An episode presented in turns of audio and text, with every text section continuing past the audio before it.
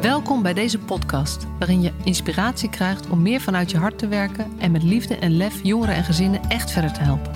Voel je waarde, voel de passie voor je vak, voel je professional vanuit je hart.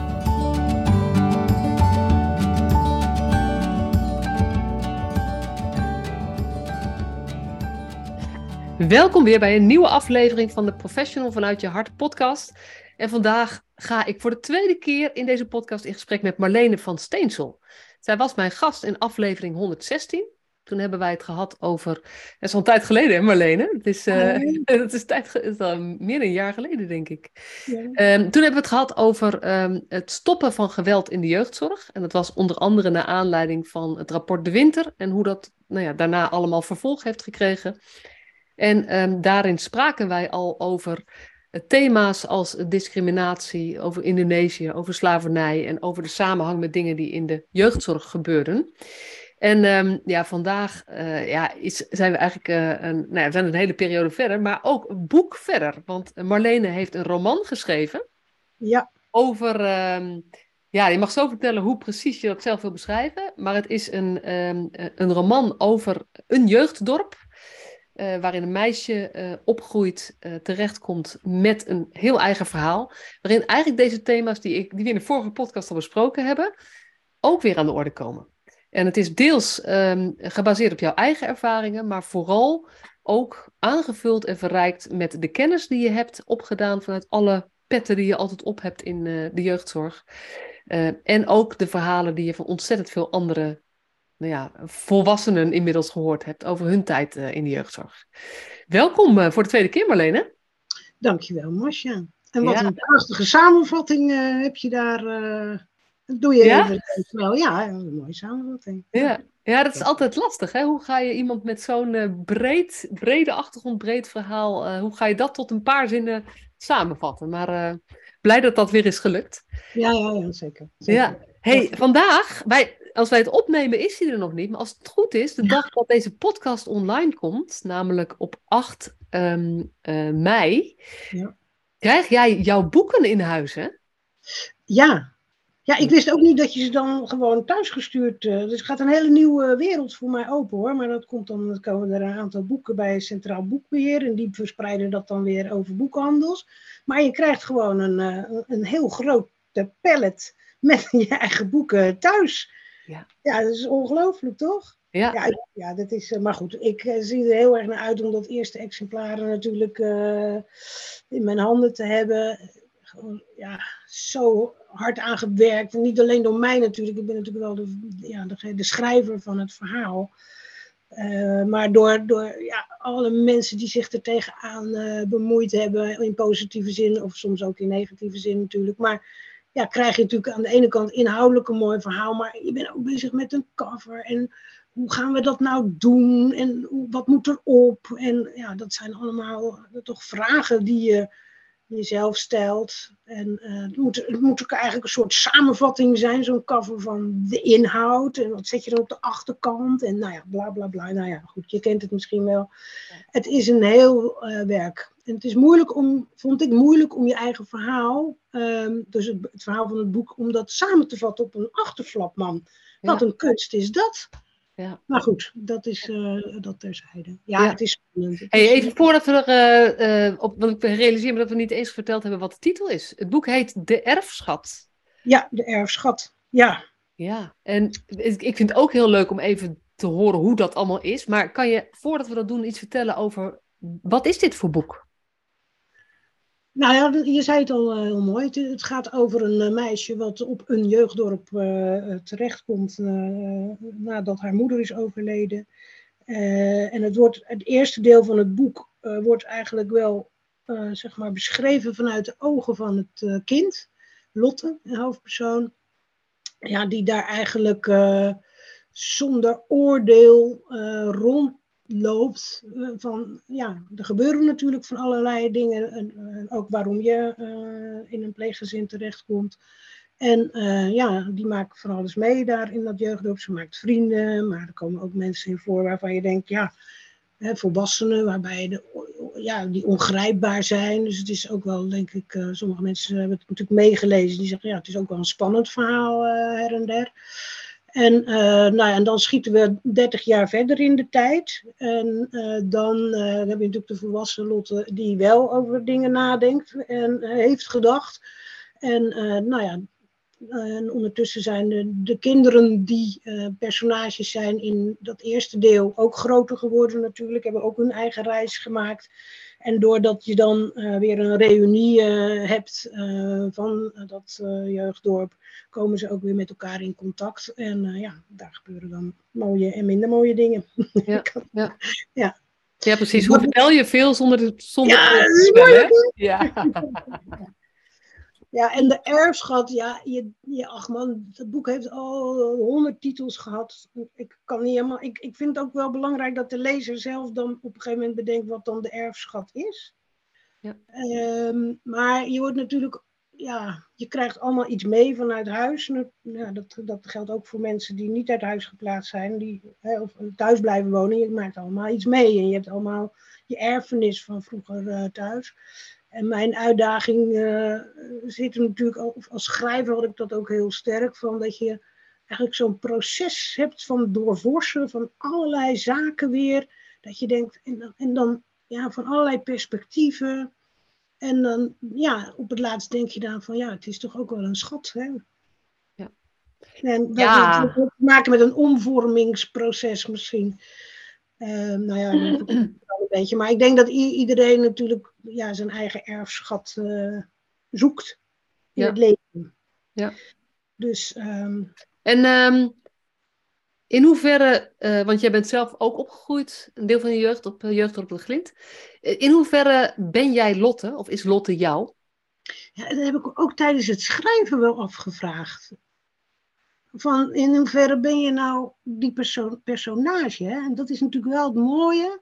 Van je bent dan, ik, wat, wat ik wel mooi vond, is dat je in de personage Lotte, denk ik, ja, dat is echt wel een deel wat, wat, wat ik heb opgeslagen als kind. Dat je dan uh, voor het eerst naar zo'n zo'n zo'n stichting gaat met al die beelden die je dan hebt, een stichting, een busje, weet je wel, dat je, je wordt opgehaald, word je dan in de boeien geslagen of zo. Ik had daar wel idee, ik, ik, ik dacht daarover na. En dat als schrijvende, en dan ga je zo terug naar die periode en dan, ja, dan, dan heb je daar beelden bij. En die beelden ben ik gaan opschrijven. Ja. Later ben ik gaan schiften van, ja, wat past er dan in, in het verhaal? Hè? Dus dat wordt dan een mooi verhaal. Maar in hoeverre ben je Lot? Ik heb zeker, kan niet anders, uh, tekenen daarvan. Uh, ja, ik heb daar zeker wel uh, tekenen van. Maar je hebt natuurlijk niet alleen Lotte, maar ook andere personages die je opbouwt.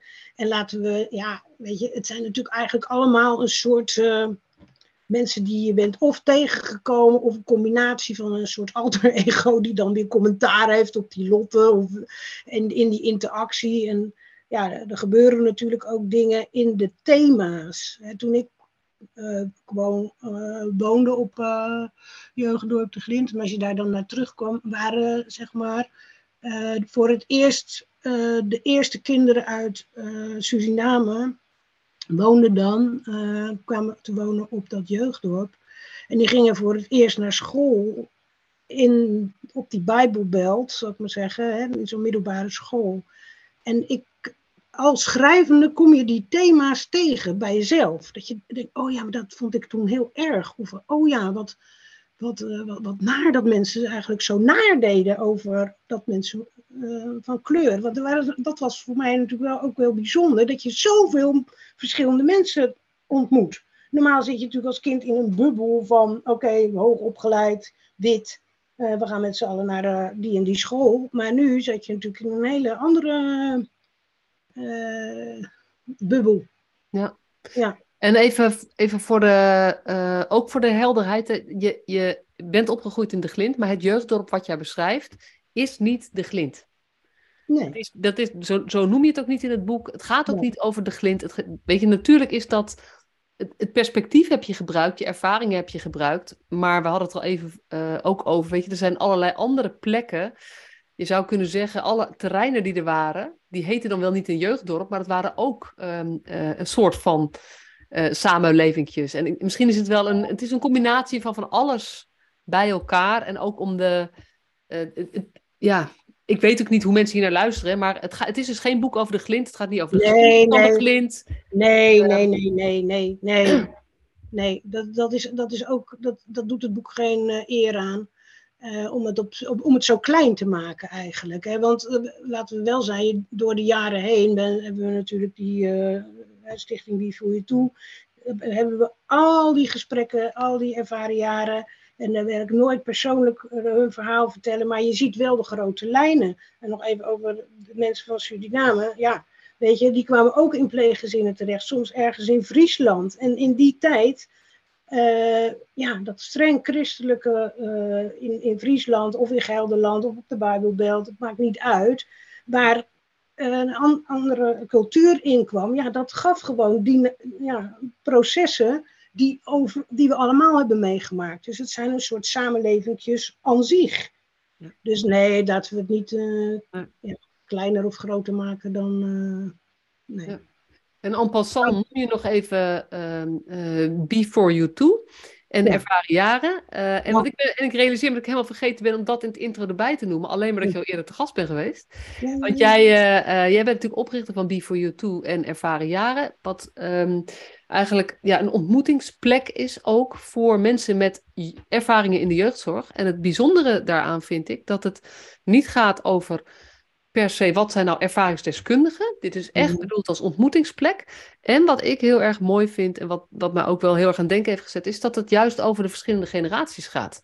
Ja. Dus dat, het, uh, dat als je een jeugdzorgverleden hebt, laat dat maar even zo toch maar bot samenvatten, dan is dat niet iets wat hoort tot je achttiende of tot je 25ste, want dan heb je het wel verwerkt. Maar het is iets wat eigenlijk in de loop van je leven vaak op allerlei verschillende manieren weer terugkomt. En het mooie vind ik bij ervaren jaren dat jullie mensen uit die verschillende generaties ook bij elkaar brengen om met elkaar het gesprek aan te gaan en elkaar ook, nou ja, te kunnen, herkenning te kunnen vinden bij elkaar en erkenning te kunnen geven. Ja, zo goed nee, dat, vertel? Ja, dat, dat vertel je goed. En het raakt me eigenlijk ook wel weer eventjes. Dat, dat vind ik ook wel weer mooi. Want Kijk, je hebt natuurlijk in je eigen generatie heb je ook, ook dingen waar ik bedoel, ik heb kinderen gekregen en dan, ja, weet je, je, je mist dan je ouders om dat aan te kunnen vertellen. In mijn geval zijn mijn ouders ook al lang overleden, maar mijn moeder is natuurlijk jong overleden. En um, het feit dat, dat je, je komt niet voor niks in een pleeggezin uh, terecht. En dat stopt niet op het moment dat jij op 18 of 21 bent. Nee, dat, dat in elke levensfase komt dat weer even terug. En nu met de geboorte van het boek, zal ik maar zeggen, had ik toch wel. Ik, ik, ik schreef het op LinkedIn en toen zei ik, normaal schrijven mensen dan van in het bijzijn van familie. En toen dacht ik, ja, daar, daar ga je dan weer even, hè? Uh, want dat is er niet. En dan, oh ja, maar je hebt wel hele uh, je vriendschappen natuurlijk die al jaren duren, geschiedenisdragers noem ik dat, die al vanaf mijn zeventiende, uh, ik ben nu in de zestig, uh, bij je zijn. En hoe belangrijk is dat? Maar ik voelde hem toch weer. Ja. En dan denk ik, ja, en dat is niet van, oh, dat verwerk je even. Nee, sommige mensen, iedereen heeft geschiedenis met zijn ouders. En ja, dat moet je per leeftijdsfase eigenlijk een soort doorworsen.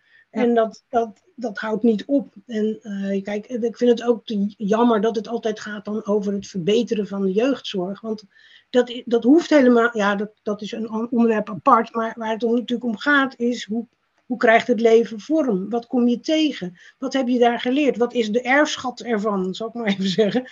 Ja. Ik zie daar ook wel hele mooie dingen. Ik zie ook in de groepen die we dan de laatste tijd hebben, zoveel talige mensen zoveel talige mensen. En dat is dan ook omdat je zo gewend bent om op taal te letten. Wat bedoelt die ander? Wat, wat zeggen ze nou eigenlijk over mij? Dus hulpverleners. En dan denk je, ja, dat is toch eigenlijk ook wel een vaardigheid of zo die mensen geleerd hebben. Om heel goed op te letten. Klopt het wel wat iemand zegt? Wat staat er in een verslag? Wat bedoel je daarmee? Hartstikke lastig voor soms voor hulpverleners. Maar het is wel een soort gemeenschappelijke deler dat je denkt, ja, dit, ja. Er zit wel wat in. Ja. Nou ja, en, en eigenlijk, op ieder moment, weet je, je vertelt al, als je kinderen krijgt, dan, dan, dan is ook zo'n zo'n markant moment dat je denkt, ja shit, mijn, dan ga je ook ergens voelen wat het betekend heeft dat, jij, dat, nou, dat je ouders niet voor jou konden zorgen. Ik, ik heb onlangs iemand gesproken, die, die is nog wat, nou ja, die is ergens tussen de 20 en 30. En die, die heeft een, een kindje inmiddels. En die zegt, ja, die echt jonge ervaringsdeskundigen, die zijn gewoon zulke andere dingen bezig. Uh, en, Mhm. Maar dit stukje delen, wow, dit is echt heftig. En dan denk je, dat, dat komt ook weer terug op het moment dat je, nou ja, dat je kinderen echt groot zijn gaan uitvliegen. En misschien als je oma wordt of opa wordt. Er zijn allemaal van die momenten waarbij dat, dat, dat terugkomt. En het zo belangrijk is om ook herkenning te vinden. En die vind Ja. je met mensen die toch gelijksoortige ervaringen hebben als jij. Nee, maar dat is ook wel, ik vind ook de kracht daarvan hoor. Dat, dat- van als je in zo'n groep hebt en dan er zit altijd wel iemand die zegt van, maar hoe doen jullie dat dan Ja. met je kinderen? Hè? En eh, ja, dat zijn toch gewoon, ja, en dan zit je erover te praten en je- het is dit, weet je wel. Je, Ja. je hoeft het niet uit te leggen. Je, je begrijpt het allemaal. We zijn niet bezig met eh, intergenerationele overdracht. Nee, je bent gewoon bezig met van, ja, ik heb het zo gedaan. Of ja, daar liep ik ook tegenaan. Of, en je helpt elkaar en... ehm, Nee, dit, Ja. gaat over, dit gaat over levenservaring. Ja. En hoe doe je dit gewoon? En hoe leef je nou eigenlijk je leven met een bepaalde eh, gebeurtenissen, ervaringen die je met je meedraagt? En hoe doe je dat eigenlijk? En ehm, nou ja, dus, dus dat is ervaren jaren. En ehm, wat we dus ook niet verteld hebben, is dat jij los, los van je eigen ervaringen ehm, ontzettend veel vakkennis hebt, omdat jij eh, zowel in het onderwijs als Ja. directrice, directeur, ik weet niet hoe je dat zelf noemt, geweest bent. En, Ja, eh, en dat je ook al Ja. jaren les geeft aan een, bij een HBO. Eh, Ja. Op het gebied van social work, als ik het eventjes heel breed eh, eh, vat. Ja. Dus Ja. het, is, het, is, het is vakkennis, het is ervaringskennis, wat je ook mag zeggen als je 60 plus bent. Gewoon levenservaring, kunnen beschouwen. Het is een buitengewone interesse in volgens mij vaderlandse geschiedenis, in hoe dat Ja, leuk werkt. Ja. Gecombineerd, en dan ook nog met als bron jouw eigen jeugdervaringen. Maar het, is, het zijn wel al die dingen die bij elkaar komen in, eh, in ook hoe je deze roman geschreven hebt. Ja, zeker. Zeker. Kijk, dat, dat klopt. En, en ik vind het wel leuk dat je dat zegt. Een soort buitengewone interesse in, in geschiedenis. En ehm, ja, dat, dat zit er wel een beetje. Dat heb ik wel een beetje geërfd van mijn vader. Die heeft echt alle boeken over de oorlog. eh, Tweede Wereldoorlog, Eerste Wereldoorlog. Had hij dan. En dan is hij natuurlijk overleden. Maar, ehm, maar ik, het heeft ook te maken met dat je. eh, tenminste, dat heb ik. eh, honger hebt of op, op zoek gaat naar je roots. En dat je denkt van ja, ik heb die man meegemaakt natuurlijk, mijn vader. Die kon niet voor ons zorgen omdat hij getraumatiseerd was in Nederlands-Indië. Eh, of toenmalig Nederlands-Indië. En dan ga je op zoek. En dan kom je verhalen tegen. En dan denk je eerst van wat? Weet je wel, van wat is er dan daar gebeurd? Ik weet wel dat ik, we hadden vroeger geen internet. Ik wilde toch op zoek eh, naar zijn geschiedenis. En dan eh, heb ik, ik dat ik twintig was of zo, de excessennota uit de bibliotheek gehad. Man, nou ja, maanden mee zoet geweest natuurlijk, snapte de helft er niet van, maar ik begreep wel dat het ernstig was.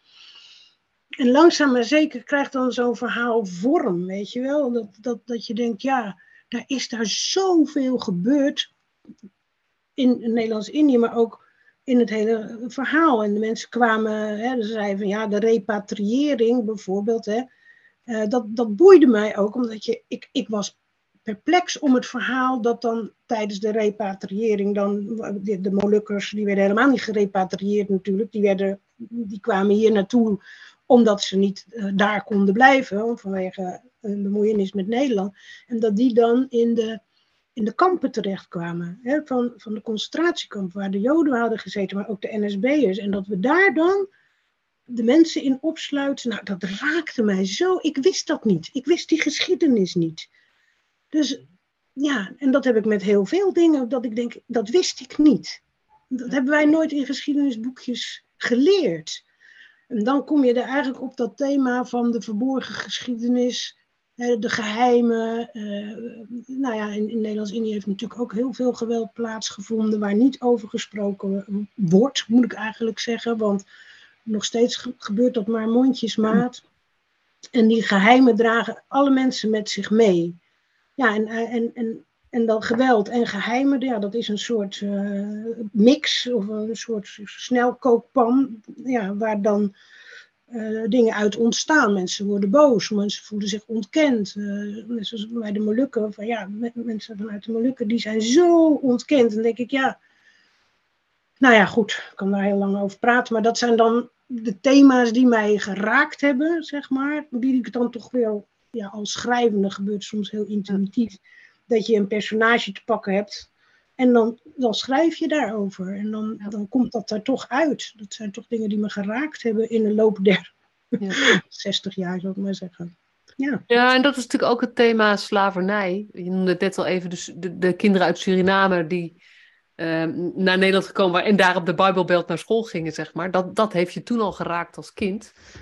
Maar, maar wat, wat ik zo interessant vind, en dat is ook iets wat ik, ja, waar, waar, waar ik uh, uh, ook van jou van leer, of dat leer zien, is dat je zegt, ja, de patronen die in onze geschiedenis zitten. En dan heb je het over uh, een patroon rond slavernij, maar ook een patroon rond het niet praten over dit geweld.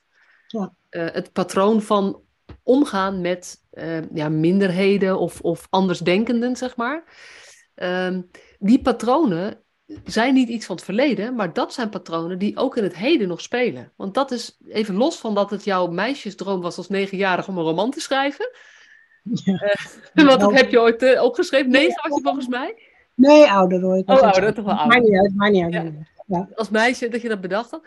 Het is ook wel jouw ja, diepe wens volgens mij om de lessen uit dat, zeg maar, dat wij het heden um, uh, niet voort laten bestaan, dat we eigenlijk beter zouden kunnen weten. Ja, nou, dat is, dat is een enorme drive. Want weet je, als je het niet weet, kan je het ook niet uh, veranderen. Hè? Als je die, dat verleden niet kent, dan kan je ook niet denken, ik, ik stap daar niet meer in. Dat geldt voor ons persoonlijke ontwikkeling, maar dat geldt ook natuurlijk op landsniveau of op, op, op cultuurniveau van, van je eigen geschiedenis kennen. En als je niet in de geschiedenisboekjes leest dat wij uh, bijvoorbeeld hoe wij met, ja, te noemen, Papua Nieuw-Guinea zijn omgegaan, dat weet niemand en dan voel je er ook blijkbaar geen verantwoordelijkheid voor. En dat, dat, dat steekt mij uh, ergens van, dus dat je dan dat, dat, dat mensen niet erkend worden en dat je het niet ziet en dat je het er niet over hebt. En dat het dus in de bovenwereld, laten we het zo zeggen, in de systeemwereld zo gebeurt van oké, okay, als voorbeeld dan Misha de Winter doet onderzoek naar geweld. En, um, nou ja, naar geweld in de jeugdzorg. Jeugdzorg, 2019, ja, geeft niet. Dat, ja, uh... ja, sorry. En uh, vervolgens lees je dan in uh, het onderzoek van uh, dat bijvoorbeeld inspectie niet meewerkt om hun, hun, archieven te openen. Er zijn ook instellingen die hun archieven niet hebben geopend om mee te werken. En het kan blijkbaar. Uh, en dan komt er in de bovenwereld, in de systeemwereld, een, een, een regeling van 5000 euro. En dan moet het klaar zijn. Terwijl je eigenlijk denkt, ja, oké, okay, dan aanbeveling hier en aanbeveling daar. Maar we hebben er dan weer over gepraat. Maar in het diepste heb je er helemaal nog niet over gehad. Want hoe heeft dit zo kunnen ontstaan? Daar doet Lisa de Winter ook uitspraken. Ik moet even mijn zoon uh, gedag uh, roepen. Is het goed? Ja, daar was die. Dat, dat is wel leuk. Dus dan, dan heb je het erover. Hè? En, dan is het, en, en, en dat vind ik wel een patroon die je ziet van... oké, okay, we hebben het dan over uh, het hokje racisme bij de politie. We hebben het over het hokje geweld in de jeugdzorg. We hebben over het hokje, nou ja, ga zo maar door. Uh, terwijl je het maar niet hebt over uh, die diepere laag Namelijk dat je de mensen niet erkent voor wat ze uh, meemaken en dat je ervan leert. Dus dat je zegt, nee, maar dat, dat gaan in principe nee, gewoon precies. niet meer doen. Nee, en dan, dan, weet je, het is natuurlijk in die zin nog veel groter en zichtbaarder geworden met het, met het toeslagenschandaal. Ja, ja, ja. Waarbij uh, heel veel van de patronen uh, die je noemt een rol hebben gespeeld. Uh. Het misprofileren, inschattingen maken op basis van namen, woonsituaties, achtergronden. Ehm, eh, uitgaan van wantrouwen, dingen waarvan we in de geschiedenis ook gezien hebben, ja, dat maakt de samenleving niet beter. Laten we het even heel algemeen uh, zeggen. En het erge is daarbij dat, dat dit natuurlijk door een instituut, door instituties gebeurt. En dat is ook dat institutionele waar jij het al vaker over hebt gehad. Dat ook in dat rapport Geweld voor de Jeugdzorg um, het zijn geen uitzonderingen, maar het zit in systemen op een bepaalde manier. En dat is zo schokkend dat zolang we het daar niet over hebben met elkaar, dan zullen er steeds opnieuw incidenten van een, een affaire naar boven komen. Maar ja. Ja, of je hebt alsmaar die, uh, dat, ik noem het bijna leedprostitutie. Dan heb je weer een of ander ervaringsverhaal op tv of in, in, in, in allerlei bladen. En dan gaan we daar weer allemaal, oh wat erg, ja, oh wat erg, ja. Terwijl je denkt van ja, maar dit is eigenlijk alleen maar weer een voorbeeld van het, van het systeem wat op deze manier is. En het, het baart mij wel echt zorgen. Kijk, want je hebt natuurlijk Ehm, de overheid, maar ik zie ook uh, dat, dat, dat langzaam maar zeker je, de, maar goed, ik weet niet of dat te ver gaat, maar dat het vertrouwen in die overheid dan afbrokkelt. En dat, dat is wel iets wat ik, wat ik zorgelijk vind, want dan denk je van afbrokkelen van het vertrouwen in de overheid is ook een soort dat je niet meer je vereenzelvigt met de democratie waarin wij leven. En dat grote goed wat wij hebben. En dat vind ik wel een, een beetje beangstigend aan de ene kant, maar ook gewoon verontrustend. Dat je denkt, dit, dit is niet, dit is, het mag niet gebeuren of zo. Snap je?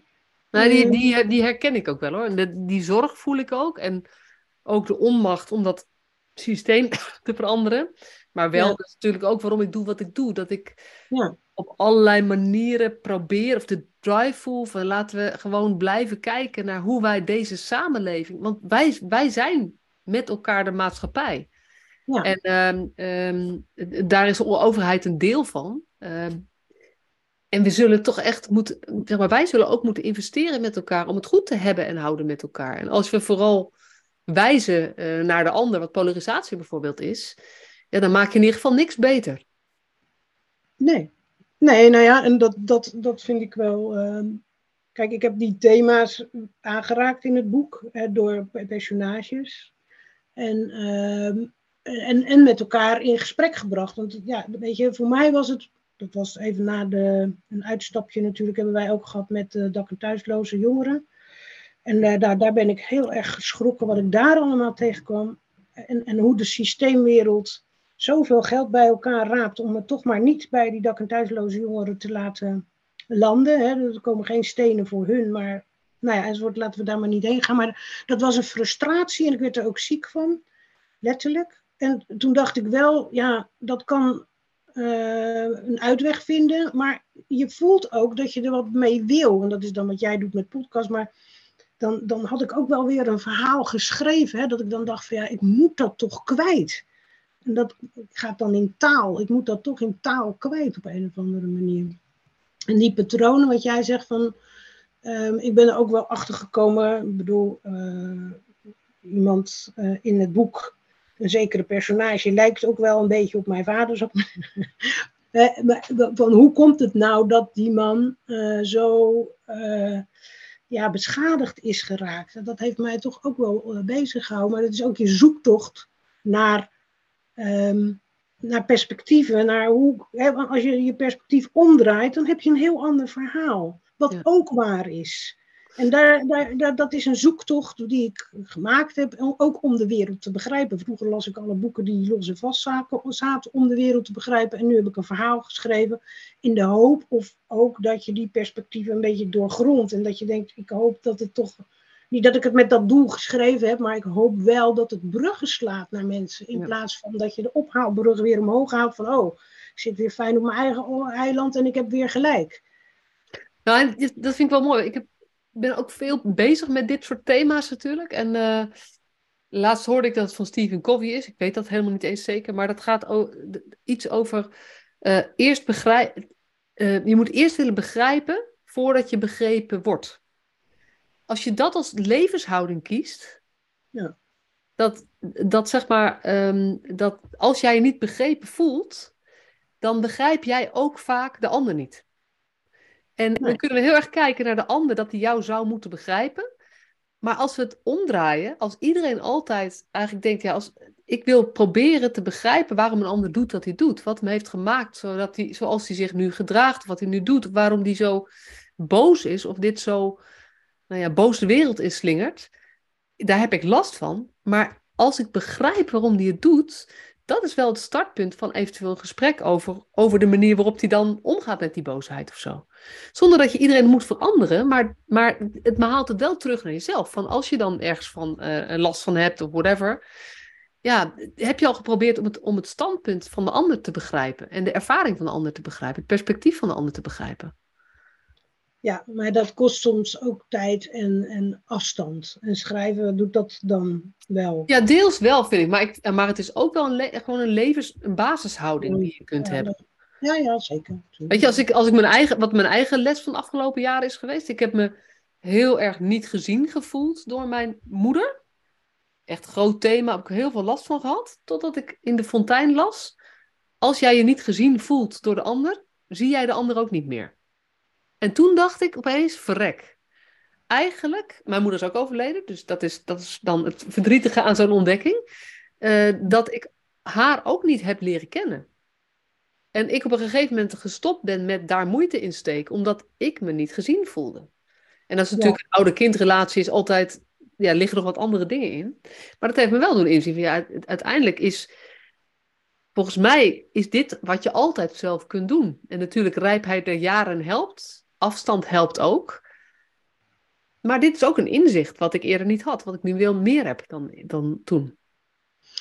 Ja, nou ja, ik vind wel met, maar dat naarmate de jaren vorderen of naarmate de relatie minder actueel is, ehm, heb je minder belang. Of hè, is het belang in de, in, in de dagelijkse eh, zaken anders. Van hij hoeft, mijn vader dan bijvoorbeeld, hoeft mij ook niet te zien, want hij is er niet meer. Nou, dat is een stuk makkelijker. Sorry. Dan is het Eh, makkelijk om ruimte te maken, ook voor zijn verhaal, zeg maar. Net zoals het voor mij nu is om het verhaal van mijn moeder. Nou ja, wij, wij, wij kinderen willen graag, eh, denk ik, dan wat jouw ontdekking is geweest over jouw ouders weer delen met je ouders. En dat is voor ouders best heel ook ingewikkeld, de- die wens. Nou ja, zo laat ik dan voor Zo heb mezelf. jij het ervaren, ja. Zo heb ik dat wel ervaren. Terwijl wij wel op het laatst van zijn leven eh, wel eh, briefwisselingen hebben gehad over dan zijn tijd in Indonesië. Hè, en ehm, dat, dat is wel waardevol. Eh, maar over praten heeft hij nooit gedaan. Ik, hè, dus ik heb wel. ik weet niet of je de voor- achterkant al van het boek hebt gezet, maar ik heb mijn vader borduurde. Ja. Ja, en dus die, die, al die verhalen, ik ben, dat, dat heb ik ook pas ontdekt na zijn dood. Denk je, oh, maar die verhalen, die zitten eigenlijk in die borduurwerken. En, ehm, dus, en, en, dan zie je met dat je zelf bezig bent. Want ik dacht altijd wel, hè, toen hij ehm, begon met, ehm, toen mijn moeder net overleden was, begon hij met dat borduren. En dat, dat je zo dacht van, zo'n man met zo'n ontvlambaar temperament, hoe kan iemand bezig zijn met steekjes stellen? Duizenden. En nu denk je, denk ik, nu ik dat weet, en ik las een boek ook van Adriaan van Dis, zijn vader deed dat ook, eh, de Indische duinen, tellen. Want, en dat zei mijn vader ook, als je telt heb je geen gevoelens. Want dan tel je. Je hoofd is volkomen in besleg genomen door tellen. Oh, nou ja, goed. En, en langzaam maar zeker denk ik, gaat dat andere betekenis voor je krijgen. Dus al, ik was dat boek aan het schrijven en toen kwam dat borduurwerk ineens, weet je wel, intuïtief schrijf je daar dan iets over in die personage natuurlijk, want hij is het niet. Van, nou goed. En dan ineens dacht ik, oh dat borduurwerk heb ik nog ergens, weet je wel. En dan, krijg, en dan ga je dat weer kijken en dan ga je met je kinderen zeggen, kijk dan joh, oh, hier en oh en oh. En dan vallen ook weer dat je, ach, ja, maar ik heb niet meer, zo, hij is nu al twintig jaar dood of zo, maar ik heb niet meer eh, behoefte om met hem daar eh, verder. Nee, het is, het is goed. Het is gewoon goed voor Ja. mij. Ja. Hey, en ehm, nou ja, nu is je boeker, hè?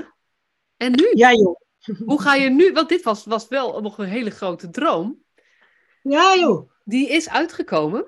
Ja. En nu? Nou ja, in, in, dus nu, ja, nou, dat is een mooie vraag. Kijk, nu vind ik natuurlijk wel dat iedereen dat boek moet gaan lezen. En, Waar kunnen ze het bestellen? Want mag je even reclame Ja. maken?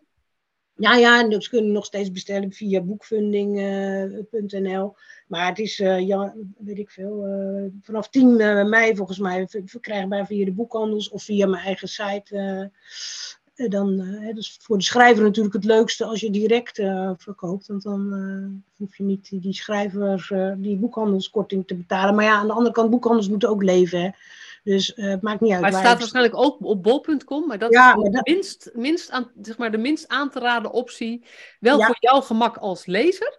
Maar voor de schrijver en voor de lokale boekhandel. Zeker niet. 43% gaat eraf ja. voor bol.com. Ik weet het, ja. Dus ja, je weet het. Dus dat, daar houdt een schrijver niet veel van over. Maar oké, het is de winkel die ons allemaal dient. Hè? Het gemak dient de mens, maar het is niet de meest.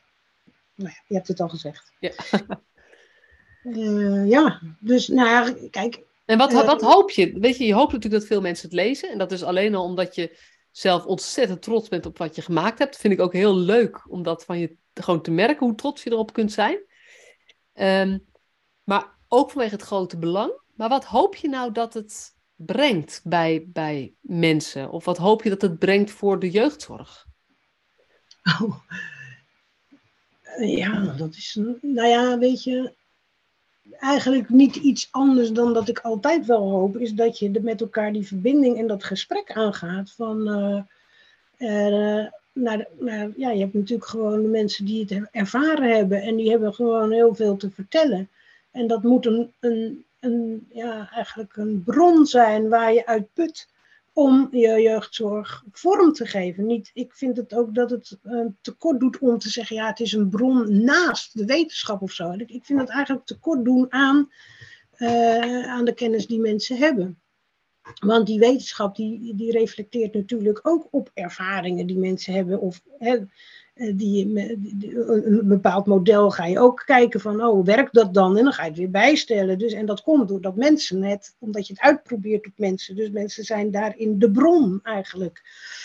Um, en ja, ik, ik hoop, ik vind het fijn als mensen daar met elkaar een gesprek over hebben. En, niet, en dan niet het gesprek van wat is waar en wat is niet waar en, en geloven en dit en dat. Weet je, die tegenstellingen, maar juist kijk naar wat kunnen we verbinden. En ja, er zijn zoveel thema's die uh, in de jeugdzorg eigenlijk ge, geïsoleerd worden. Dus je bent of kopkind, of je hebt een psychiatrische aandoening, of je hebt nou ja, de diagnostiek. Dat ik, ik vind het een doorn in, eh, in, in het oog van, ja, nou, een doorn in mijn oog, maar een doorn eigenlijk in het gesprek uh, naar verbinding. Ja, is die hele vervuiling van, van, van de diagnostiek. Uh, en, ik heb niks tegen een zuivere diagnose, hoor, daar gaat het mij helemaal niet om. Maar je moet wel met elkaar in gesprek blijven en met elkaar uh, ja, in verbinding. En ik hoop dat. En dat is. Dat, ik denk dat, denk dat jij en ik een beetje hetzelfde gevoel, er, mening hebben over diagnostiek. Zeg maar niet van het is nooit goed. Maar het, het, het komt zo vaak in plaats van de mens zien. En jij, jij voegt het woord verbinding er nog aan toe. Ehm, eh, en om verbinding te krijgen zul je ook van, kan, kan alleen maar van mens tot mens. En nou ja, waar, natuurlijk ons hele zorgstelsel, uh, jeugdzorgstelsel daarbij en de GGZ helemaal, dat het grote risico is dat het een verbinding wordt van een professional die technische dingen weet wat je moet doen met deze diagnose. En daarmee is alle gelijkwaardigheid, is alle menselijkheid, nabijheid is verdwenen uit dat contact. En, en de woorden die ik jou hoor gebruiken, gaat over het gesprek, gaat over de verbinding, gaat over de ontmoeting. Gaat over de mens zien, leren van elkaar. Ieders ervaring heeft zijn eigen waarde. Dus laten we het daarover met elkaar hebben. En zo kijken hoe we elkaar een stapje verder kunnen helpen in dit leven. Ja, en waarbij ik het wel heel belangrijk vind om die context even te hebben. Van kijk, uh, je ziet natuurlijk ook, uh, um, nou ja, nee, dat lijkt me. Nou goed, een, mevrouw die hier op de kade loopt met haar moeder, een Molukse vrouw. En uh, die dan op een gegeven moment zegt, ja, mama heeft, is nog, die weet nog dat ze in uh, kamp was. Hè? En dan denk je, ja, je ziet eigenlijk ook het verdriet. Ik sprak laatst iemand die ik ken nog uit Barneveld. En die zei van ja, het verdriet van die generatie dat het nooit terug heeft kunnen gaan naar de Molukken. Hè? Wij zijn dat uit het oog verloren. Dus, en de tweede, derde generatie, die kom je ook tegen. En ook de mensen die, dat, die jeugd, nare jeugdzorgervaringen hebben gehad. Hè, dat geweld hebben meegemaakt. Er zitten zoveel mensen zijn de GGZ ingerold die worden niet in dat verhaal gezien in, oh, maar die, die mensen hebben dus geweld meegemaakt. Heel naar. Nee, die mensen worden dan gezien, of zo, ja joh, die zat toen al in de, jeugd, uh, in de jeugdzorg, is nooit wat geworden. En dat is, dat, ja, dat doet niet goed aan het, je eigen waarde. Het zijn eigenlijk allemaal een soort overlevers. Of dat nou, ik wil de Molukken niet, niet, niet uh, tekort doen of zo. Maar het zijn wel allemaal overlevers van een bepaalde gevecht wat mensen hebben moeten leven om boven water te blijven. En daar, dat, ja, nou ja, goed, dat, dat vind ik dat mensen daar een beetje meer eer voor moeten hebben en moeten krijgen. En nou ja, snap je? En dat, dat, dat is gewoon ook de generatie misschien hè, van. Uh, die teruggekomen zijn van, uh, van Nederlands-Indië, elfde Molukken of weet ik wel, uh, in die, dat je dat ook in een context kan plaatsen met elkaar. En hoe kijk je daar dan tegenaan? Want, want dit begrijp ik heel goed, maar dan hebben we het over de mensen die daar zelf verhuisd zijn naar Nederland, zeg maar. Dan blijf ik even weg bij de, bij de woorden repatriëring of gedwongen ver, ver, verhuizing, whatever. Ja. Maar we zitten inmiddels twee, soms drie generaties later. Hoe, hoe zie jij, welke patronen zie jij die dan nog doorwerken in het heden bij de, bij de, de, de kinderen, de gezinnen, de jonge gezinnen van nu? Nou, het er niet over hebben, Masja. Het er gewoon niet over hebben. In de geschiedenisboekjes komt nooit dat verhaal naar voren. Wat, wat, wat krijgen de kinderen van nu, nu mee uit onze geschiedenis van Indonesië, Nederlands-Indië enzovoort. Ze krijgen het niet mee. Hoe, hoeveel pijn dat heeft gedaan. Hoeveel mensen daar eh, naar hier zijn gekomen. Hoeveel Moluks. Nou, nou, ik, ik, weet niet wat ik nu heb, maar goed. er zijn meer voorbeelden, maar dit voorbeeld is ja, ja, ja. Dus dat is, dat is wel helder. Ja. Maar dit geldt trouwens eveneens voor slavernij. Dus, dus... Hoeveel mensen hun kinderen hebben moeten achterlaten. Ja. Uh, die zonder hun kinderen vertrokken zijn. De pijn dat ze hier naartoe gekomen zijn. En gelijk uit hun ambt zijn ontzet. Terwijl ze, ik weet niet hoeveel jaar voor de Nederlanders hebben gewerkt. Die geschiedenis, die wordt niet gezien. En dat geldt eigenlijk een beetje eh, hetzelfde als eh, in de jeugdzorg. Dat je kinderen in, niet in hun geschiedenis ziet. En ook niet in die, in die instituties ziet. Van wat, hè, want dan gaan we allemaal weg en dan leiden we een leven. En, oh, en 70% eh, komt in de GGZ terecht. Oh, oh, oh, wat een verloren generatie. Nee, dat moet je wel in dat perspectief weer plaatsen. En dat, dat, ja, ja, dat, dat drijft mij natuurlijk, dat weet jij. Maar dat is wat je terugziet. Dus het, het, het, het, het collectieve zwijgen over uh, die geschiedenissen ja, dat is wel een herhalend patroon. En dan brengen we het een beetje naar dat systeem uh, en dan uh, richten we weer een bepaalde commissie uh, voor op. En dan gaan we weer een standbeeld maken of weet ik veel wat. En dan hebben we, vinden we dat weer afgedicht. Maar het gaat om het, het grotere plaatje, denk ik, van elkaar in, jezelf, in je eigen geschiedenis te zien. Nou, dan ja, precies. Nog... Dus, dus dat het, en dat sluit wel heel erg aan bij als, als ik mijn verhaal vertel, gaat het ook heel erg over dat we zo vaak over de korte termijn praten. We kijken wat er nu in, in het hier en nu aan de hand is. Nee, dan gaan we zo goed mogelijk proberen te fixen, uh, of oplossen, of, of doelen, whatever. Terwijl uiteindelijk, waar gaat het om? Dat iemand verbinding heeft met waar die ooit vandaan komt. En dat je eigenlijk ook weet, waar, waar ga je naartoe? Want als je, geen, als je die lange, die, die levensloopverbindingen niet hebt, als je niet vraagt naar dat levensverhaal, dan blijven mensen eigenlijk een soort van ook, nou ja, rondzweven in het niks. En als je rondzweeft in het niks, weet je, die, die vragen van uh, Wim Spiering van bij wie hoor ik? Ja. bij wie hoor ik, voor wie doe ik het toe, wie houdt van mij? Als je die vragen niet kunt beantwoorden. En ik denk dat dat voor heel veel kinderen die in, in de jeugdzorg uh, opgroeien, hele ingewikkelde vragen zijn. Terwijl we bezig zijn met, goh, maar hoe zorgen we dat jij je vaardigheden hebt om straks voor jezelf te zorgen? Dat is zo ontzettend onbelangrijk vergeleken met juist deze kinderen helpen om um, hun levensgeschiedenis ook be nou ja, betekenis te geven, is verkeerde, verkeerde uitdrukking, maar daarmee, zeg maar, daar, daarmee te kunnen leven of in hun leven dat aan zichzelf te kunnen verbinden. Snap je wat ik bedoel? Ja, nee, ik snap nee, Ik denk dat ik het wel begrijp. Kijk, dat is ook misschien wel een andere reden waarom ik ben gaan schrijven, is dat ik toen ik jong was, uh, dat je geen enkel uh, rolmodel uh, hebt.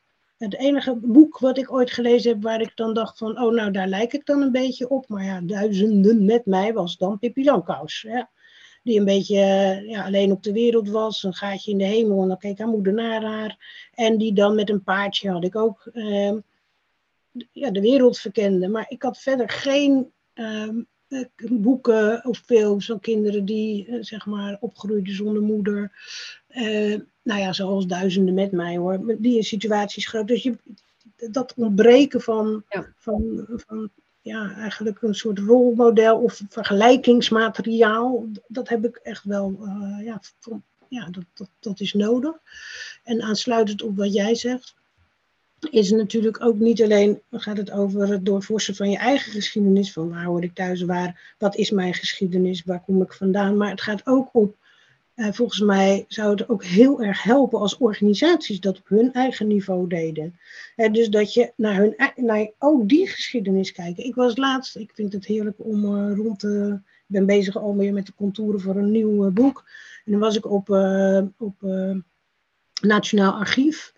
En toen ging het over het ontstaan van bureau, uh, speciaal bureau jeugdzorg. Dat het eigenlijk via de politie is gegaan op zoek naar kinderen van foute NSB'ers. Dat ze gewoon een soort razia's hebben gehouden van, oh, dat is een, NSB'er geweest en dat kind moest dan uh, ja, natuurlijk naar een heropvoedingskamp. Zo is dat ontstaan. Nou, ik lees dat en denk ik, ja man, daar zit wel weer een mooi verhaal in. Hè? Maar als je dat, dat, die geschiedenis niet kent en dan dat stukje, hè, dus zonder proces, soms gebeurt dat kinderen weggerukt zijn en vertaald naar nu uh, de discussie over feitenonderzoek ja, het is toch wel mooi als mensen eigenlijk ook in staat zijn of organisaties naar hun eigen wortels en hun bestaansrecht en hoe dat is gegaan. En niet dat ze het allemaal fout doen, daar gaat niet om, maar het wel kennen van die geschiedenis. En dan proberen toch daarover in gesprek te gaan en de brug te slaan naar de mensen die het nu nodig hebben of ja. niet nodig hebben. Nou, snap je? Dus ik vind dit dat. Nou, en ik moet wel ik zeggen, iemand die naar het Nationaal Archief, Archief gaat, heeft wel een bovenmatige interesse voor geschiedenis. Ja, dat, dat, ik, vind het, ik vind het wel echt gaaf. Dat je, uh, weet je, in die zin is het ook gewoon diepgaand onderzoek. Ja, ja, ja, maar dat vind ik ook echt heel erg leuk. Ik vind dat ook echt superleuk. Ja. Maar je bent ook verbaasd natuurlijk. Dat je denkt, hoe, hoe bestaat, hoe, waarom, en waarom weten we dit niet? Waarom weten we dit niet? Niet als verwijt, maar waarom weten we het niet? Nee. Nee, ik weet nog dat ik in Veenhuizen was, uh, uh, een aantal jaar geleden, van het Pauperparadijs. Toen dacht ik, goh, ik ga eens in Veenhuizen kijken. En dat ik ook daar eenzelfde soort schok had. Dat Veenhuizen uh, was in de Veenkolonie in Drenthe. En daar zijn gewoon uh, arme paupers, Rotterdammers. Uh, Dus klaplopers, zoals ze genoemd werden, maar ook gewoon gezinnen die uh, echt gewoon ar in armoede leefden in, in sloppenwijken. Die zijn gewoon als gezin naar Veenhuizen gebracht om daar heropgevoed te worden. Vanuit de gedachte dat als ze ze daar maar uh, reinheid, rust en regelmaat geven, het dan uh, goede burgers worden. Dus dat hele denken, dat, dat, dat fascineert mij ook. En dat zit in de hele jeugdzorg zit dat enorm uh, op allerlei manieren verweven. Ja. Dus, dus uh, dat, dat gaat ook over dat, nou ja, dat wij dus de goede burgers blijkbaar arme kinderen moeten redden. Zeg maar, ja, soort van. en, dat, en dat verhaal is natuurlijk, als je, dat komt natuurlijk rechtstreeks uit de koloniën. Ja. He, want we gingen ja. daarheen en uh, we gingen de mensen heropvoeden. En uh, we waren natuurlijk zendelingen die de arme Papua-kindjes in hun, uh, bij hun ja. gezin ontvreemden. En de zendelingen vrouwen die gingen dat dan heropvoeden. En dan, ja, het mooiste was dan dat die Papua-kindjes ook nog weer het christelijke geloof in hun eigen dorp gingen verkondigen. Ja. En hun eigen naam aflegden, maar een christelijke naam. ja. ja ja, nou ja, goed. Ja. Dat is goed. Weet je, jij en ik zijn eigenlijk op een bepaalde manier ook een soort van aan het heropvoeden. In die zin dat, dat jij eigenlijk ook zegt van lieve, lieve, uh, alle, mensen die werken in de jeugdzorg, die bij betrokken zijn, die vinden dat ze er een mening over mogen hebben, moeten zich verdiepen in die geschiedenis. Dat is wel iets waar jij, weet je, ja, je, je staat niet op een, uh, niet op een, heet een zeepkist. Maar het is wel iets waar jij heel erg in gelooft en wat je ook wel graag wil verspreiden, dat bewustzijn. Dus doet niet iedereen dat. dat datgene wat je, dat, waar je in gelooft, dat je dat heel graag wil delen. Eh, ik weet niet of iedereen dat doet, maar ik doe het in ieder geval. Ja, ik ook hoor. Dus ik ben, ik, ze hebben mij ook wel eens gezegd, je bent een soort, het is een soort missionaris. ja, ja. ja het, is, het is meer, ja, ik weet het niet of ik dat, ik heb meer dat ik, ik weet niet, dat weet ik niet. Ik weet er niet goed antwoord op, dus dat mag ook wel. Maar ik, ik heb daar wel veel behoefte aan om de wereld om mij heen te begrijpen. Ja. En dat doe ik toch door, door ehm, ja, door de geschiedenis toch een beetje eh, te leren of te kijken. Of, ja, ik vind dat wel belangrijk voor mij, althans, om de, om de, om de wereld te begrijpen. Maar ook om er over iets zinnigs te kunnen zeggen.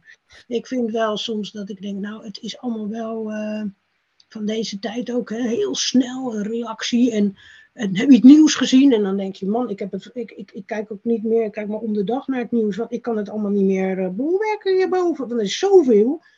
En, ehm, dus dat, de snelheid van nieuws, ehm, ja, er is veel. Maar ook veel geschiedenis. Ook veel, nou ja, en dat, dat geloof, ik op, geloof ik ook wel heel erg hoor. Dat, dat het kennen van je eigen geschiedenis, dat is je eigen familiegeschiedenis, dat is iets wat mij heel erg boeit. Uh, maar waarbij jij eigenlijk terecht aanvult van ja, en dat is altijd binnen een maatschappelijke context. Dus als je je eigen familiegeschiedenis wil begrijpen, zul je ook iets van de maatschappelijke context moeten begrijpen. Ehm, en jij zegt ja, en organisaties hebben ook geschiedenis. En die geschiedenis ook binnen organisaties heeft ook in het heden um, uh, werkt dat door. En nou ja, dan zit ik even te denken aan de jeugdzorgorganisaties zoals die er nu zijn, die nou, veelal een fusie zijn van nou, misschien wel dertig organisaties die er geweest zijn, waar niemand meer weet waar het vandaan komt. Nee, maar je hebt wel de grote lijnen natuurlijk. Want eh, je, je, ziet wel dat veel organisaties natuurlijk een christelijke grondslag hebben. En dan eh, kan je nog de protestantse kant op, of de gereformeerde kant, of de rooms-katholieke. En dat geeft dan ook weer zo zijn eigen dynamiek. Maar het is ook niet voor niks dat, dat, uh, dat of ja, organisaties of instellingen ook die geschiedenis best wel willen onderzoeken en laten zien. Ja in musea of op een andere manier een boek laten schrijven. Maar je moet dan wel uh, het hele verhaal durven te omvatten. Dus het moet niet altijd het applaus zijn, maar, maar hè, van oh kijk eens, we doen het allemaal zo goed. Nee, het gaat om het hele verhaal. En dan kan je ook leren met elkaar. Als je zegt van uh, goh, in, uh, in de jaren negentig proberen we dat op die manier op te lossen. Het zal met alle goede bedoelingen geweest zijn, maar er zijn ook daardoor nare dingen gebeurd. Maar als je het niet durft te vertellen, ja, dan, dan, dan als je alleen maar dat, dat, nou ja, goed, we, begrijpen elkaar. Maar wat mij wel bezighoudt is, zeg maar, um, is dat, dat, dat ik zie bij uh, jeugdzorgmedewerkers, um, dat er vaak zo'n enorme loyaliteit is ten opzichte van de organisatie. Uh, en dat, dat houdt mij wel bezig, dat ik denk, ja, goh, wat, wat gebeurt er dan eigenlijk met mensen? waarom vereenzelvigen ze zich zo met de organisatie? Ja. Tenminste, zo lijkt dat dan. En met, en, dus dan heb je het over de, de rol van je ziet dingen gebeuren, je weet dat er van alles aan de hand is en in, het, ja, in veel gevallen trekt men zich dan toch terug. Hè? Men neemt ontslag of men gaat het aan en heeft een arbeidsconflict. Maar mensen zijn heel lang heel loyaal. En dat, dat houdt mij wel eens bezig. Dat ik denk, ja, daar zit ook wel een vergelijk in met het uh, bevoegd gezag, uh, zou ik maar zeggen. Uh, nou ja, en de klokkenluiders die je dan nu eh, hebt natuurlijk. Sommige mensen die in de jeugdzorg hebben gewerkt en daar het een en ander over vertellen. Worden ook nog steeds niet met veel liefde ontvangen, zal ik maar zeggen. Nee, die hebben het, die hebben het zwaar ook. Die krijgen ook, ook, ook ik, ik ken een aantal mensen die zich echt uitgesproken hebben. Die heb ik ook wel uitgebreider gesproken die zeggen ook, ik krijg off the record best wel wat positieve reacties. En ik krijg ook echt vanuit mijn eigen organisatie, uh, krijg ik hele nare mails van mensen die zeggen, dit kan je niet maken en dit is een mes in, in onze rug steken. En, dus ik, ik, ja, ik herken dat wel, dat het, dat het niet zozeer het, het gaat niet eens over zwart maken, maar het gaat over benoemen, gewoon feitelijkheden benoemen die gebeuren en die oké zijn, mag dat? En dat is wel, ja, als we, we hebben het natuurlijk over, we moeten willen lerende cultuur hebben. Ja, dit is wel de start van een lerende cultuur. Ja, Maar het gebeurt niet. En als je kijkt naar bijvoorbeeld hè, van hoe lang dat zwijgen is geweest rond, ja, dan heb je mij weer, zou je zeggen, rond Nederlands-Indië, wat daar is gebeurd. en dat, dat, dat dat ook een cultuur is van zwijgen. En als mensen, ehm, en dat gebeurt nog, daar wel over praten, worden ze uitgemaakt voor van alles en nog wat, als matenaaier of weet ik veel wat allemaal. Kijk maar wat er bij de politie, iemand die naar buiten treedt hè, als uh, klokkenluider. Uh, of de blauwe familie, hè, hoe heet die documentaire. Uh, En nog steeds doen we dan iets, iets dit. En, en dan denk ik, ja, en dit is nou juist waarom er zoveel mensen dus getraumatiseerd raken, ouders, mannen en vrouwen, omdat ze een verhaal hebben wat niet geloofd wordt, niet gehoord wordt, waarbij mensen hun rug naar uh, iemand toekeren. En, en, en, dat moet niet. dat, is, en dat is waarom je deze roman hebt geschreven. Eigenlijk, eigenlijk is, is want um, weet je, de roman is, uh, ik heb het zelf nog niet mogen lezen, ik ben super benieuwd. Maar dat is, het schijnt gewoon een hele leuke, uh, reactie heb gewoon leuk om te lezen, ja. ook gewoon als ja. roman. Maar wat jij hoopt is dat het ook een mogelijkheid biedt om in gesprek te gaan over die patronen die er zijn. Ja, ja, dat, dat, hoop ik oprecht. Gewoon omdat je, ik probeer, je probeert natuurlijk de onderstroom en de bovenstroom, maar en de ervaringsstroom en de professionele stroom. Ja, daar probeer je een verhaal. En ik, ik snap het, voor mijn gevoel snap ik het allemaal. Nou ja, niet alles, maar ik snap het wel. Maar het, de kunst is dan om elkaar eigenlijk te vinden. Ja.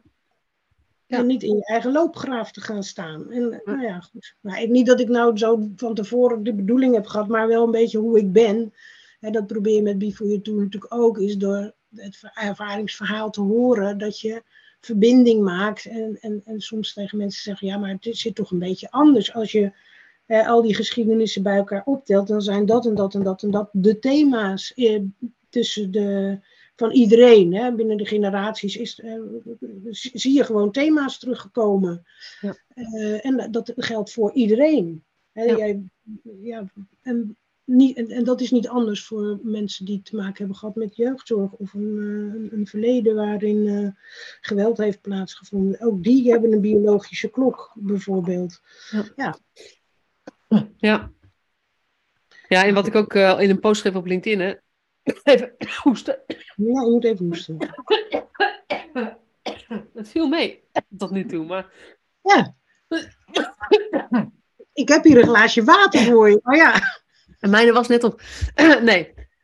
We moeten ook een beetje afronden. Dus ik zat een beetje te zoeken ja, ja. naar een mooi haakje. Ja. ja. Zoals ik ook schreef in die, die post op LinkedIn over, uh, zeg maar, uh, uh, over jouw boek. Is eigenlijk, er zijn stapels rapporten over wat er allemaal aan de hand is. En er komen steeds nieuwe rapporten bij. Ja. En um, uh, wat jij met je roman hebt, je, je, biedt een ander middel aan, omdat je dan op een ander, andere manier aangesproken wordt of zo. Weet je, laten we ook stoppen met analyseren in de zin van uitpluizen en opschrijven in een nieuw rapport wat er aan de hand is. Maar laten we kijken of we met elkaar in gesprek kunnen komen. Want um, uh, ja, we willen het gewoon beter hebben dan het gaat. Ja, Nee, ik denk dat dat klopt. Ik uh, heb niet behoefte aan nog een uh, rapport. Ja, het zal er allicht nog komen natuurlijk. Maar uh, ik heb een andere ja, behoefte gehad. Of ja, toch wel ja, die gebeurtenissen willen doorforsen. In, en dat, voor mij is het echt de individuele eh, gebeurtenissen voorbij. Het gaat mij meer om de patronen. En ik hoop gewoon ook... Kijk, ik kan, ja, ik kan verbaasd zijn over dingen die ik tegenkom. Maar ik kan ook best wel heel erg genieten van dingen die ik tegenkom, of van de natuur, of een maaltijd, of enzovoort. Weet je, dat, dat um, mijn maatjes op de schrijversacademie, die zeiden vaak van, het is leuk hoe je het verpakt. Er gebeuren natuurlijk best wel heel verdrietige dingen waarom kinderen op een jeugddorp te, komen. Maar tegelijkertijd moeten ze ook in de macaroni uh, roeren hè, en eten. En hebben ze nou ja, van allerlei dingen die ze bewaren. En ik denk dat ik daar een mooie afwisseling van heb, heb kunnen maken. Uh, gewoon groot worden, uh, puber zijn uh, of worden. En, en, en, de belevenis hè, van, van jonge Lotte, die eigenlijk ook gewoon denkt van wat gebeurt hier allemaal.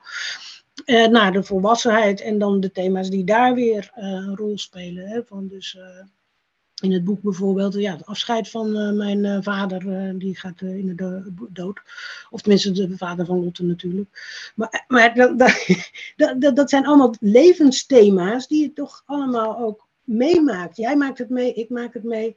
En dat, ja, ik hoop dat je toch ook mensen gewoon, ja, dat ze een mooi boek lezen, een mooi verhaal. En denken van ontroerend. En ja, dat ze ook nog kunnen lachen. Dat vind ik ook leuk, dat mensen ja. lachen in het boek. Nee, oh, genoten. Ja. Benieuwd. Ik ben ook heel benieuwd wat jij ervan vindt. Ja. Dan gaan we jou interviewen, Masja. dat is goed, dat is goed. hey, um, dankjewel Marlene voor het vertellen. Ja. Over je boek, vanuit je boek, vanuit je hele zijn. Dankjewel. Want jij bent niet Lotte, maar dit boek is wel helemaal jou. Ja. dus, uh, en uh, weet je, uh, ik zou iedereen aanraden om het te bestellen, te gaan kopen bij de lokale boekhandel. Um, uh, of te bestellen bij Marlene. Welke website is dat straks waar ze het kunnen vinden? Ja, mij, Marlene van Steensel. Oké, okay, dat is lekker overzichtelijk. .nl dan nog. .nl, ja, www en dan ja, .nl. Ja. En uh, ja. gaat, uh, gaat, dat gaat goed komen. En het heet dus De Erfschat. Uh, en je kunt het ook gewoon krijgen op bol.com. Maar je hebt gehoord wat wij daarvan van vinden. Hey, dankjewel. Jij ook, Mosja.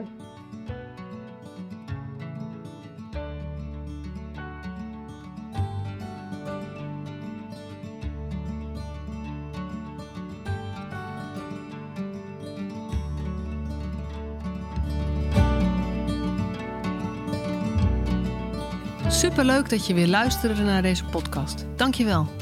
Nog even kort een paar belangrijke dingen. Ten eerste, het is mijn missie dat de jeugdhulp weer een sector wordt waarin bevlogen, liefdevolle professionals jongeren en gezinnen echt verder helpen. Daarom maak ik deze podcast voor jou. Wil jij deel uitmaken van deze beweging van Professional vanuit je hart, waarin professionals elkaar steeds opnieuw inspireren? Begin dan met het lezen van mijn boek. Je kunt de eerste hoofdstukken helemaal gratis lezen. Ga naar professionalvanuitjehart.nl slash boek. Ten tweede, wil je alle podcastafleveringen overzichtelijk onder elkaar? Abonneer je dan op deze podcast. Klik in je podcast-app op de button subscribe of abonneren. En elke keer als er een nieuwe podcastaflevering gepubliceerd wordt, ontvang je automatisch een berichtje. Ten derde, ondersteun je mijn missie? Geef me dan een review via je podcast-app, bijvoorbeeld iTunes of Spotify. Op die manier kan ik nog meer professionals bereiken. En ken je een collega voor wie deze podcast ook interessant is? Dan zou het super zijn als je hem of haar de podcastaflevering doorstuurt. Bijvoorbeeld door de link te kopiëren via Spotify. Ik vind het altijd heel leuk om berichtjes te ontvangen van luisteraars om te horen wat je van een podcast vindt, of als je misschien vragen of suggesties hebt.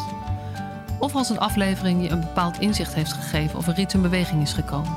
Stuur me dan even een berichtje op masha.professionalvanuitjehart.nl via de website of stuur me een connectieverzoek op LinkedIn.